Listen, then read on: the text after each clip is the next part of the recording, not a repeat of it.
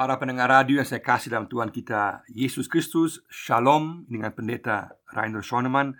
Pada saat ini saya akan menyampaikan sebuah ceramah singkat mengenai Makna perjamuan kudus kasih Allah. Makna perjamuan kudus kasih Allah. Mengenai perjamuan kudus telah ditulis banyak buku dan juga banyak artikel Saya hanya berusaha untuk memberikan garis-garis besar pengertian dan juga penerapan perjamuan kudus secara praktis. Secara mendasar, perjamuan kudus tetap akan merupakan sebuah misteri yang tak dapat diselami secara sepenuhnya. Melanchthon benar ketika menekankan bahwa rahasia misteri Allah tidak harus kita pahami, tetapi harus kita sembah. Ini bukan berarti pengertian tidak penting, tetapi harusnya menjadikan kita rendah hati bahwa tidak ada yang memiliki suatu pemahaman yang utuh dan final.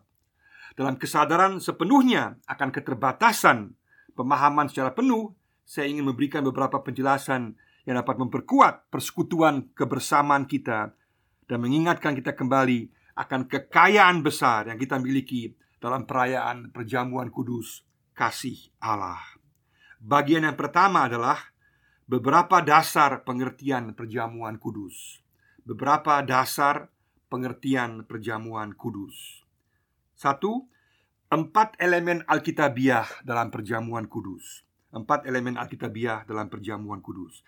Biasanya dipahami bahwa perjamuan kudus adalah perjamuan terakhir Tuhan Yesus dengan murid-muridnya. Namun demikian, hal ini tidaklah sepenuhnya benar. Karena sebenarnya ada empat elemen Alkitabiah yang penting dan ikut berperan dalam pemahaman mengenai perjamuan kudus. Pertama yaitu perayaan Paskah dalam Perjanjian Lama. Di sini nampak berbagai kesamaan aspek yaitu sukacita atas pembebasan dan pelepasan dari rasa takut serta keterikatan sekaligus akan harapan tindakan keselamatan Allah. Kita baca Keluaran 12 dan juga bandingkan 1 Korintus 5 ayat 7. Juga kedua berbagai perjamuan kasih dari Yesus selama pelayanannya di dunia. Dalam hal ini nampak bagaimana Yesus duduk bersama-sama dengan orang berdosa untuk menegaskan bahwa dia datang untuk menyelamatkan orang berdosa. Misalnya Markus 2 13 sampai 17, Lukas 19 ayat 5 sampai 10, juga Lukas 15 ayat 23 sampai 25. Yesus ingin bersekutu dengan setiap orang, dia peduli dan dia mengasihi setiap orang. Tidak ada yang dikucilkannya. Yang ketiga adalah perjamuan terakhir Yesus dengan para muridnya. Kita baca dalam Lukas pasal 22 14 sampai 23, Matius 26 20 sampai 29, Markus 14 17 sampai 25 dan Yohanes 13 ayat 21 sampai 30. Yesus memerintahkan kepada para muridnya untuk terus mengulangi perjamuan ini meskipun Yesus tidak lagi bersama dengan mereka secara jasmani.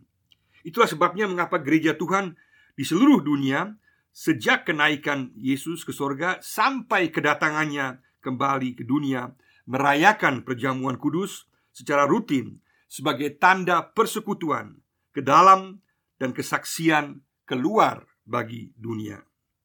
Dan elemen yang keempat, perjamuan makan Yesus setelah bangkit dari antara orang mati. Lukas 24 ayat 30 dan juga Yohanes 21 ayat 13. Di sini penekanannya adalah kepada kehadiran Yesus sebagai yang hidup yang telah bangkit. Jadi bukan hanya peringatan akan kematiannya semata-mata, juga Yesus yang telah bangkit.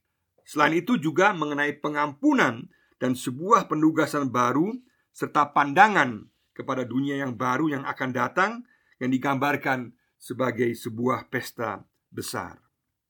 Yang kedua adalah perjamuan kudus adalah bagian dari perjamuan makan. Perjamuan kudus adalah bagian dari perjamuan makan. Dalam praktek mula-mulanya, perjamuan kudus merupakan bagian dari perjamuan kasih. Kita baca kisah para rasul 2 ayat 42, juga 1 Korintus 11 ayat 17. Artinya, ada suatu suasana persekutuan kebersamaan di mana umat percaya meluangkan waktu bersama, makan dan minum bersama, dan berbincang-bincang serta merasakan bersama sukacita suasana kehadiran Yesus.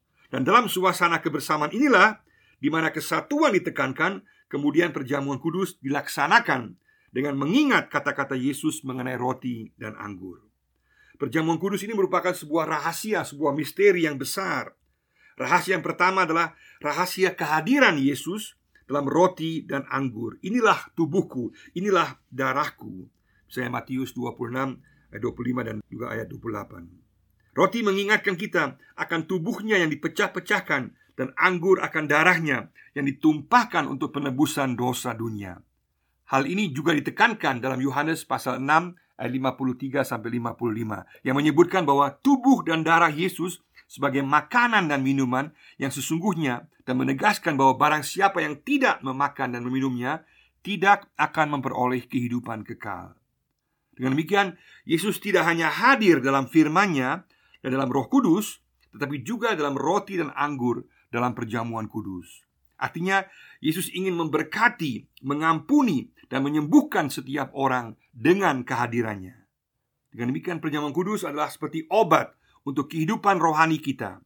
Dari awalnya, perjamuan kudus dijelaskan bahwa dalam, dengan, dan bersama roti dan anggur, Yesus sendiri yang hadir. Dalam perjamuan ini kita merasakan kasih Allah yang luar biasa kepada kita. Kita dikasihi, kita diterima dan dihargai. Rahasia yang kedua adalah rahasia peringatan akan perbuatan-perbuatan keselamatan Allah. Lukas 22 ayat 19. Ini berarti dalam sikap mengingat akan perbuatan keselamatan Allah bagi dunia, bagi jemaatnya, dan bagi kehidupan pribadi kita, maka kita merayakan perjamuan kudus. Roti dan anggur merupakan pertolongan bagi kita untuk mengingat kasih dan segala kebaikan Tuhan dan sekaligus memberikan kepada kita suatu kepastian pengharapan di tengah kebimbangan yang kita alami. Yang ketiga, kekristenan pada hakikatnya tidak bersifat ritual atau kultis. Kekristenan pada hakikatnya tidak bersifat ritual atau kultis.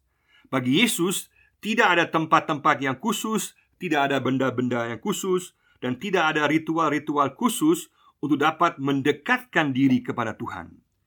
Terbaca Yohanes 4 ayat 21, Matius 15 ayat 17 dan juga Lukas 11 ayat 37. Hal ini juga sangat jelas dalam surat Ibrani di mana semua praktek seremonial kultus telah digenapi dalam Kristus.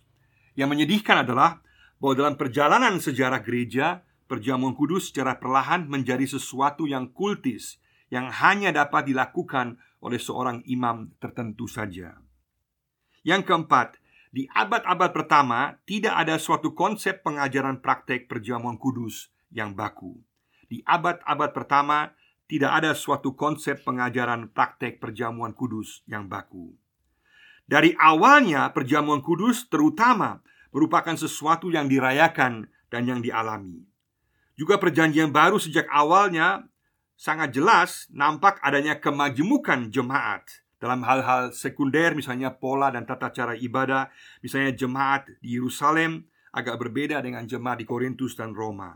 Dan juga hal ini sama sekali tidak dipermasalahkan Baru dalam perkembangan sekemudiannya diformulasikan berbagai kalimat pengajaran dogmatis mengenai perjamuan kudus yang kemudian menjadi sebuah sistem dengan diskusi yang hebat dan berkepanjangan mengenai kehadiran real atau real existence atau pengubahan transubstansi atau kata-kata perjamuan yang tepat atau yang tidak boleh dirubah, cara dan pola yang tepat atau seringnya melakukan perjamuan, juga masalah penyimpanan sisa roti dan anggur. Siapa yang boleh terima roti dan anggur, atau hanya roti, atau roti dicelupkan atau tidak? Semua ini memiliki aspek kebenaran, tetapi kemudian ditekankan secara berlebihan sehingga menimbulkan perpecahan dan pemisahan. Padahal sebenarnya perjamuan kudus harusnya bersifat menyatukan. Sekali lagi, semua diskusi terperinci ini asing bagi Perjanjian Baru. Selain itu, hanya sedikit sekali orang Kristen yang memahami tentang apa yang sebenarnya diperdebatkan. Akhirnya, yang terjadi adalah kesimpulan dari kesimpulan yang semakin rumit dan menjauh dari perjamuan kudus sebagaimana yang dimaksudkan dalam perjanjian baru. Yang paling negatif dalam hal ini adalah menciptakan kesalahan mengertian dan membuka pintu untuk tahayul. Misalnya perjamuan kudus dilihat sebagai jimat otoritus. Yang kelima, Perbedaan pendapat mengenai perjamuan tidak boleh memisahkan. Perbedaan pendapat mengenai perjamuan tidak boleh memisahkan. Adalah sangat-sangat merugikan bagi gereja apabila kehendak Yesus akan kesatuan umatnya dan penguatan umatnya lewat perjamuan kudus dihancurkan oleh karena diskusi-diskusi sekunder. Yesus rindu akan kesatuan umatnya. Kita baca Yohanes 17 ayat 11 dan juga ayat 20 sampai 23. Bagi saya nampak dengan jelas bahwa perjamuan kudus ini Yesus berikan untuk menyatukan umatnya. Oleh sebab itu, aspek misteri yang ada dalam perjamuan kudus janganlah dipaksakan untuk mau dibukakan sepenuhnya yang akan menimbulkan perpecahan. Dalam hal ini sikap toleransi akan kebiasaan setiap gereja adalah penting tetapi tanpa memutlakannya. Jangan sampai kita merasa malah dikucilkan atau malah merasa duka cita pada harusnya perjamuan kudus membawa persekutuan dan membawa sukacita. Pada mulanya perjanjian baru juga merayakan perjamuan kudus setiap hari Minggu kita baca dalam kisah Rasul 2 ayat 42. Maka berapa seringnya kita melakukan perjamuan kudus juga tidak boleh menjadi dogma. Yang pasti perjamuan kudus perlu cukup sering dilakukan karena Yesus sendiri memiliki kerinduan untuk bersekutu dengan setiap kita. Kita baca Lukas 22 ayat 15. Hal yang sama juga berlaku dengan cara apakah minum dari cawan atau dari sloki, roti besar atau potongan kecil atau hosti, anggur atau sirup, roti dan anggur atau hanya roti saja, bahkan apakah roti dicelupkan ke dalam anggur atau tidak. Semua ini memiliki pertimbangan tertentu dan praktis, tetapi tidak boleh dimutlakan. Bahkan kalau kita lihat di tanah Papua, di daerah Yalimo, dirayakan dengan petatas dan air, tetap sama nilainya. Janganlah kita terus menanggung beban pemisahan karena perbedaan pendapat sekunder yang memisahkan kita. Yesus ingin menyatukan kita. Yang keenam, pentingnya persiapan dan evaluasi untuk mengikuti perjamuan kudus. Pentingnya persiapan dan evaluasi untuk mengikuti perjamuan kudus. Pelaksanaan dan keikutsertaan dalam perjamuan haruslah dalam suatu kesungguhan dan bukan hanya sebagai suatu acara seremonial ritual semata. Ada suatu keseriusan yang kudus.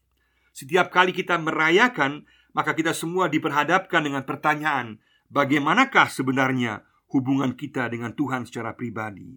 Dan juga bagaimanakah hubungan kita dengan saudara seiman kita? Evaluasi diri kita adalah sangat penting. Apakah kita juga harus menyelesaikan hal dengan Tuhan atau juga menyelesaikan masalah kita dengan orang lain terlebih dahulu Misalnya Matius 5 ayat 23 dan juga 24 Kita juga bisa membuat janji di hadapan Tuhan Untuk mau menyelesaikan masalah Bersedia mengampuni dan juga minta ampun. Dalam perjamuan kudus Kita menjadi peka akan kesalahan dan dosa kita di hadapan Tuhan Dan terhadap sesama. Itulah juga sebabnya mengapa Paulus memberikan peringatan yang keras untuk mengevaluasi diri dan bahaya penghukuman bagi mereka yang mempermainkan perjamuan kudus. 1 Korintus 11 ayat 28 dan 29. Dalam konteks jemaat Korintus pada waktu itu, mereka masing-masing membawa makanannya sendiri dan tidak memperhatikan dan bahkan melecehkan yang lain dan bahkan makan secara berlebihan dan minum sampai mabuk sehingga menghina perjamuan kudus yang kemudian mereka lakukan. Perjamuan kudus harus dilakukan dalam menghargai sesama saudara kita dalam sikap kasih sehingga tanpa itu menjadi sia-sia dan bahkan membawa penghakiman. Di sini motivasi dan sikap kita sangat menentukan. Yang ketujuh, perjamuan kudus mencerminkan keseluruhan isi Injil. Perjamuan kudus mencerminkan keseluruhan isi Injil. Ada tujuh aspek perjamuan kudus yang tercermin pada saat kita melaksanakannya dan juga mencakup Injil. Yang pertama, perjamuan peringatan. Artinya, peringatan di sini bukan saja memaksudkan kematian Yesus, tapi juga segala pengajaran dan semua hal yang telah mereka alami bersama-sama dengan Yesus, termasuk seringnya mereka makan bersama dengan Yesus dan belajar daripadanya. Yang kedua, perjamuan pengampunan. Dalam hal ini kita meyakini bahwa darah Yesus menyucikan kita dari segala dosa kita. 1 Yohanes 1 ayat 7 Matius 26 ayat 28. Dengan demikian kita mengingat kasih Allah yang melebihi segala dosa, kelemahan, dan kekurangan kita. Pada saat kita merayakan perjamuan kudus, dapat mengalami kepastian pengampunan. Bagimu, darah Kristus telah dicurahkan. Sebagaimana nyata dan pasti kita makan roti dan minum anggur Sedemikian juga pasti pengampunan Allah bagi kita Darahnya dan tubuhnya yang telah diberikan kepada kita sebagai pengampunan dosa. Tetapi perlu juga ditekankan bahwa bukan perjamuan kudus itu sendiri yang membawa pengampunan. Tetapi apabila kita mengaku dosa kita dan memohon pengampunan di hadapannya. 1 Yohanes 1 ayat 9 dengan demikian di sini sangat penting bahwa jangan kita menekankan elemen roti dan anggur secara berlebihan dan juga soal siapa yang membagikannya dan bagaimana. Yang ketiga, perjamuan syukur.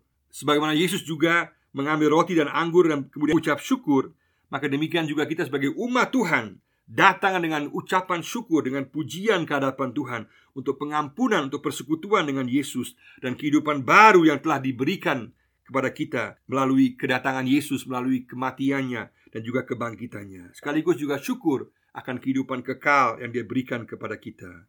Di sini syukur memiliki dimensi kesaksian atau pemberitaan bahwa kita mau menjadi murid Yesus dan mau menyerahkan diri kita secara baru kepadanya dan menaatinya. Pengakuan ini berlaku di hadapan Tuhan, juga berlaku bagi manusia dan dunia yang tidak kelihatan. Untuk konteks kita di tanah Papua dan juga Indonesia Ini juga merupakan sebuah seruan kepada kuasa-kuasa kegelapan Hai iblis dan roh-roh jahat. Kalian tidak memiliki hak atas kehidupan saya. Saya adalah milik Yesus yang telah ditebus. Yang keempat, perjamuan penguatan. Perjamuan kudus juga berfungsi memberikan kekuatan dan penghiburan yang dalam kenyataannya telah dialami oleh banyak orang sehingga terjadi pemulihan baik secara rohani maupun secara jasmani lewat perjamuan kudus. Yang kelima, perjamuan pengutusan. Artinya pengutusan dalam pengertian yang luas mulai dari seruan untuk pergi dan tidak berbuat dosa lagi sampai kepada kemampuan untuk menjalani hidup yang baru dan juga kuasa untuk melayani dalam segala sisi kehidupan. Yang keenam, perjamuan persekutuan. Satu roti dipecah-pecahkan dalam banyak bagian dan dimakan oleh banyak orang. Dan juga meminum dari satu cawan perjanjian baru. Ini semua menekankan kesatuan tubuh yang disatukan dalam kasih Kristus. Dengan demikian persekutuan di sini adalah dalam pengertian yang ganda.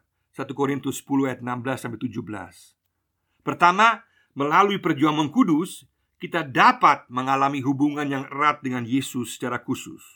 Yang kedua adalah bahwa melalui persekutuan dengan Tuhan, kita dapat menjadi dekat satu dengan yang lain dan memperoleh pengalaman baru sebagai saudara-saudara dalam Kristus. Maka ada persekutuan dengan Tuhan dan juga ada persekutuan dengan saudara-saudara seiman kita. Yang ketujuh, perjamuan pengharapan. Sebelum naik ke sorga, Yesus telah menjelaskan kepada para muridnya bahwa baru dalam dunia Allah yang baru mereka akan secara jasmani dan nyata merayakan perjamuan kudus bersama-sama lagi. Dalam perjanjian baru, surga digambarkan sebagai tempat penuh sukacita di mana kita semua yang percaya akan merayakan sebuah pesta besar yang abadi. Dalam merayakan perjamuan kudus saat ini, sinaran-sinaran cahaya sukacita dan keindahan dunia yang akan datang menyinari keberadaan kita saat ini. Maka perjamuan kudus adalah sebuah tempat pelatihan meski baru sementara, antisipasi pengharapan akan persekutuan orang-orang berdosa yang telah diselamatkan dalam suatu pesta besar yang akan datang di sorga. Oleh sebab itu, maka cara kita merayakan perjamuan kudus juga harus mencerminkan pengharapan, sukacita, dan persekutuan. Misalnya Matius 26 ayat 29 dan juga Markus 14 ayat 25 Perjamuan kudus dapat digambarkan juga sebagai tempat peristirahatan Di tengah perjalanan yang jauh Untuk mendapatkan kekuatan dan orientasi yang baru. Pada saat kita merayakan perjamuan kudus Kita dapatkan kekuatan orientasi yang baru Menuju kepada kehidupan kekal Pesta abadi bersama-sama dengan Yesus selama-lamanya. Yang kedelapan, poin yang kedelapan, praktek perjamuan kudus dalam suasana hikmat pada akhirnya harus bermuara pada suasana sukacita pengharapan. praktek perjamuan kudus pada akhirnya haruslah bermuara pada suasana sukacita pengharapan. Aspek kesungguhan, meditasi dan hikmat adalah penting dalam perjamuan kudus, tetapi kemudian harus bermuara kepada pesta sukacita. Juga berarti suasana dan lagu-lagu yang dinyanyikan harus mencerminkan peralihan yang terjadi selama berlangsungnya perjuangan kudus dari suasana hikmat kepada suasana sukacita penuh pengharapan. Karena pada akhirnya perjuangan kudus juga mencerminkan pesta sukacita sorgawi yang akan datang. Bagian yang kedua, beberapa kesimpulan praktis. Beberapa kesimpulan praktis. Jika kita melihat makna perjuangan kudus kasih Allah yang sedemikian dalam dan luas, maka kita hanya dapat menyembah dan mengagumi rencana Allah yang sedemikian indah dan luar biasa dahsyat. Untuk pelaksanaan perjamuan kudus secara praktis ada beberapa kesimpulan yang dapat kita ambil. Pertama, melatih untuk menyadari status sebagai anak Allah di hadapan Allah. Menyadari bahwa kita dikasihi dihargai, dan diterima oleh Allah. Yang kedua, bersyukur untuk segala kebaikan tindakan keselamatan Allah dalam kehidupan sehari-hari kita. Yang ketiga, mengajar umat percaya untuk mengevaluasi diri kita secara jujur di hadapan Tuhan. Yang keempat, belajar mengampuni saudara lain yang bersalah atau bersedia meminta ampun kepada saudara yang telah kita salahi, yang telah kita lukai. Yang kelima, mempraktekkan persekutuan secara nyata dengan sikap menghargai dan mengasihi saudara seiman kita.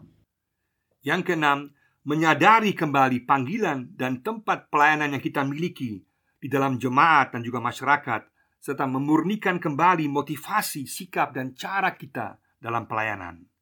Yang ketujuh, melatih kita untuk berorientasi kembali kepada tujuan akhir kehidupan kita dan bersuka cita dalam pengharapan akan kehidupan kekal.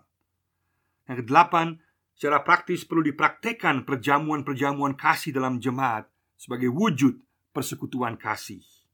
Yang kesembilan, menciptakan suasana penerimaan, kehangatan, dan kebaikan satu dengan yang lain.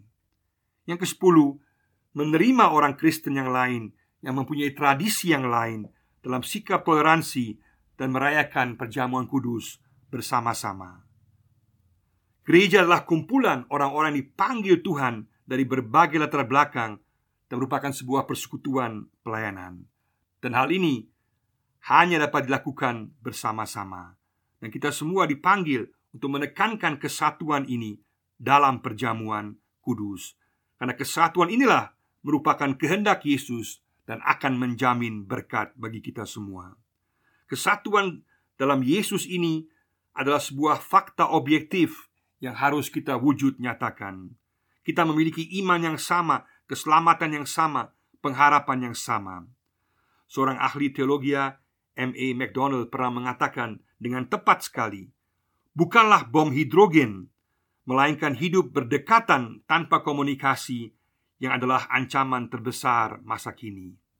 Tanpa komunikasi akan muncul kecurigaan dan kesalahan mengertian yang membahayakan kesaksian umat percaya.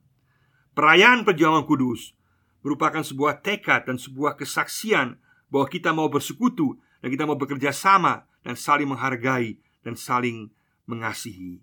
Mungkin ada yang menganggap hal ini adalah hal yang kecil, tetapi di hadapan Tuhan ini merupakan sebuah hal yang besar karena Allah melihat motivasi kita yang terdalam. Dan Allah akan melakukan hal-hal yang besar dalam persekutuan kita jika kita memiliki motivasi yang murni.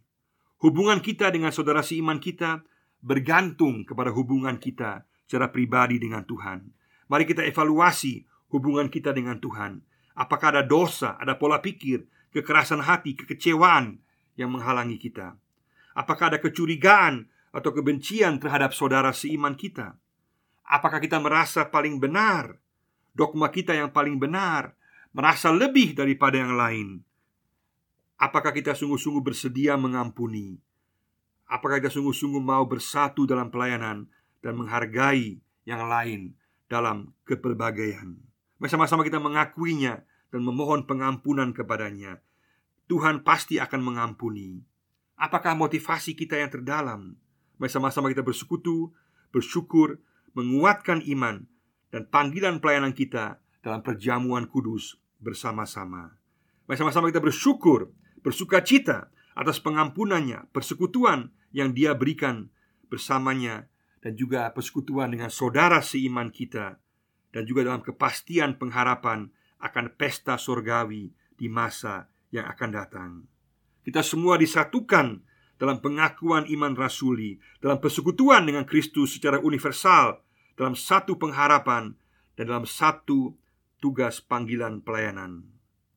Mari sama-sama kita merayakan perjamuan kudus di mana kita berada dengan sungguh-sungguh menekankan roh kesatuan, menekankan sikap rendah hati dan sikap menerima satu dengan yang lain. Mari sama-sama kita menjadikan perjamuan kudus sebagai kesaksian akan kasih Allah, pesta kasih Allah yang luar biasa yang terwujud dalam persekutuan dan juga dalam kebersamaan kita bersama-sama. Bersama-sama kita merayakan perjamuan kudus dalam kesungguhan, dalam kesatuan, dan dalam sukacita. Tuhan memberkati kita semua. Amin.